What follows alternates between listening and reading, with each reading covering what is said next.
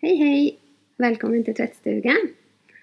Jag har hittat en superfin familjeandakt som jag vill dela med mig av. Jag hörde om den här i en annan podd som heter Kristen förälder idag. Och jag blev superglad när jag hörde om den. Den involverar hela familjen och är jätteenkel att anpassa efter barn i olika åldrar. Helt genialiskt! Okej, så den består av fyra delar och man väljer i vilken ordning man vill ta dem. Delarna är lek, sång, bibelberättelse eller bibeltext och bön. Och förutom att man väljer ordningen själv så kan barnen vara med om att eh, och forma andakten utifrån sin ålder och mognad. Små barn kan till exempel önska eller välja lek och sång. Lite äldre barn kan få mer ansvar och välja både, eller väl, både välja och förbereda någon av delarna. Och så barn som har lärt sig läsa kan kan läsa bibeltexten eller berättelsen. Och ännu lite äldre barn kan få i utmaning att planera och hålla i hela andakten. Och i den här eh, podden Kristen förälder idag så sa de att eh, det hade blivit bland de finaste stunderna när barnen själva hade hållit i andakten. Eh, men jag tänker att de första gångerna som man har, har andakten i familjen Eh, så kanske det är bra att man håller i den som förälder och att barnen kanske får önska. För då får ju barnen ett hum om hur, hur liksom ramarna ser ut. Eh, och så blir det lättare för dem att hålla sig själva. Och sen kan man ju såklart aldrig tvinga någon att förbereda eller hålla i andakten. Utan det får ju vara på, på eget initiativ. Eller att de vill liksom. Så, så det är viktigt. Och i någon familj kanske barnen älskar att komma på och fixa andakten och i någon familj så är det föräldrarna som får göra det om det ska bli av. Det är ju så, barn är olika. Men man kan i alla fall göra det väldigt enkelt. Jag har lite så spontana tankar och idéer som jag kan berätta om. Ja men leken, då skulle man kunna göra kurragömma eller arga leken, gömma nyckel. Kims lek, den här minnesleken när man har ett antal grejer och så tittar man på den. Så lägger man en filt över och så får en ta bort medan de andra tit inte tittar. Eh, och sen ska man komma på då vilken sak som är borta när man tar bort filten igen. Eh, man kan bygga högsta tornet med kaplastavar eller lego. Man kan spela ett spel som man har hemma. Hos oss ska vi nog förresten undvika spel eller tävlingsmoment just nu för det blir bara dålig stämning har vi märkt. Eh, man kan rita och gissa, alltså den här rita, gissa, spring typ. Man får ett uppdrag att rita något och så ska de andra gissa vad det är. Man kan göra charader eller med andra ord. Fokus är att vi gör någonting roligt tillsammans som familj och ni kommer säkert på massa fler grejer som era barn tycker om. Som sång så kan man ju ta en lovsång som man brukar sjunga i kyrkan. Eller om man har någon sång från när man själv var liten. Jag tänker på Du omsluter mig på alla sidor. Eller den här Jag får vara hos dig, jag får be till dig. Jag får lovsjunga ditt namn. Du har tid med mig när jag söker dig, min Herre, min Gud. Enkel text med så viktiga budskap. Man kan ju sjunga utan musik eller så kan man spela upp en sång från en skiva som man har eller Youtube eller någon annan musiktjänst. Och om man spelar något instrument själv så är det ju ett gyllene tillfälle att göra det om man vill. Och sången handlar ju inte i första hand om att det ska låta fint och så utan vi tror ju att Gud är värd våran lovsång och att han blir glad när vi sjunger till honom. Och sen så har ju lovsången ofta en undervisande funktion på köpet. Att vi lär oss något om vem Gud är och vad han har gjort. Nästa del i andakten var ju bibelberättelse. Och då kan man ta en, en eh, bibelberättelse ur en barnbibel eller ett bibelord ur en vanlig bibel. Något utav ens favoritbibelord eller sådär. Och har man äldre barn eh, som har en egen bibel så kan ju de slå upp texten eh, eller ni kan slå upp tillsammans. Eh, och det kan ju vara lite klurigt att hitta eh, och slå i Bibeln. Så det är jättebra att öva på det tillsammans med någon vuxen som är nära till hands.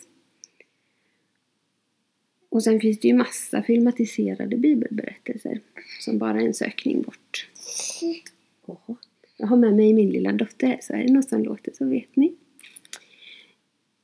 I samband med bibeltexten så tänker jag att det kan vara bra att ge lite utrymme för frågor och samtal kring det man har hört eller läst eller sett. Typ, är det någonting du funderar på eller undrar över om den här bibeltexten?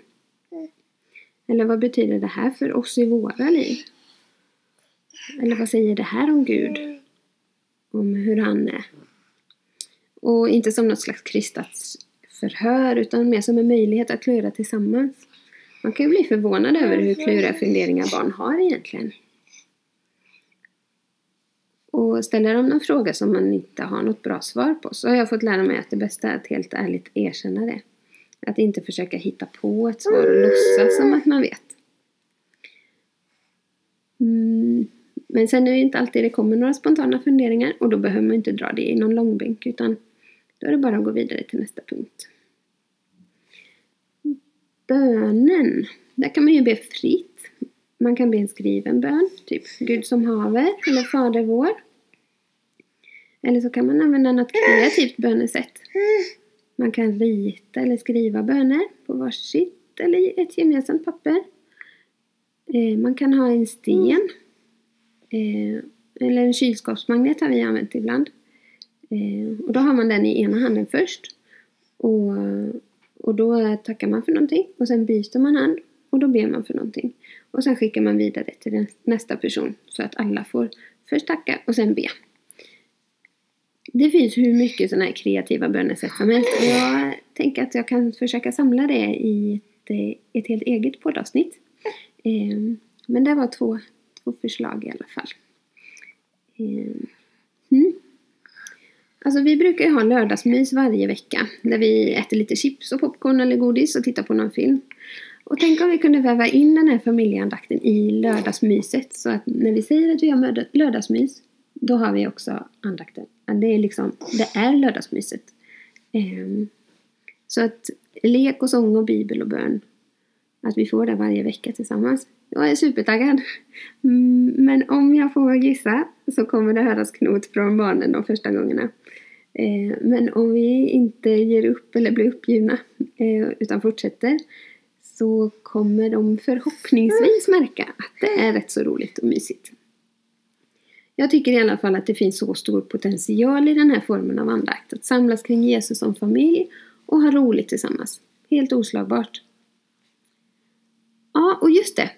Eh, podden där jag hörde om den här andakten, Kristen förälder idag, den drivs av Adventistsamfund, Adventistsamfundet. Eh, och där finns det avsnitt om eh, olika kärleksspråk. Eh, jätteintressant och lärorikt att lyssna på om hur man kan visa kärlek till sina barn. Sen har de jättefint pyssel på sin hemsida. Ja, men pdf-dokument eh, som man kan ladda ner. Eh, och då är det färgläggningsbilder där man kan klippa och klistra lite i för mindre barn. Och bibeltexter och bibelord för äldre barn som man färglägger. Jättefina grejer. Och sitter man och pysslar med det hemma så blir det ju lätt naturliga möjligheter att prata om om innehållet i bibeltexterna och, och bibelberättelserna och sådär. Och så fina saker att sätta upp på väggen hemma. Mm. Jag försöker lägga in, eh, lägga in länken i beskrivningen till det här avsnittet så kan du klicka dig vidare om du, om du vill kika in det. Och så vill jag avsluta med ett bibelord. Från Psaltaren 90, vers 16 17. Visa din makt för oss som tjänar dig Visa din härlighet för våra barn. Herre vår Gud, låt oss känna din ljuvlighet.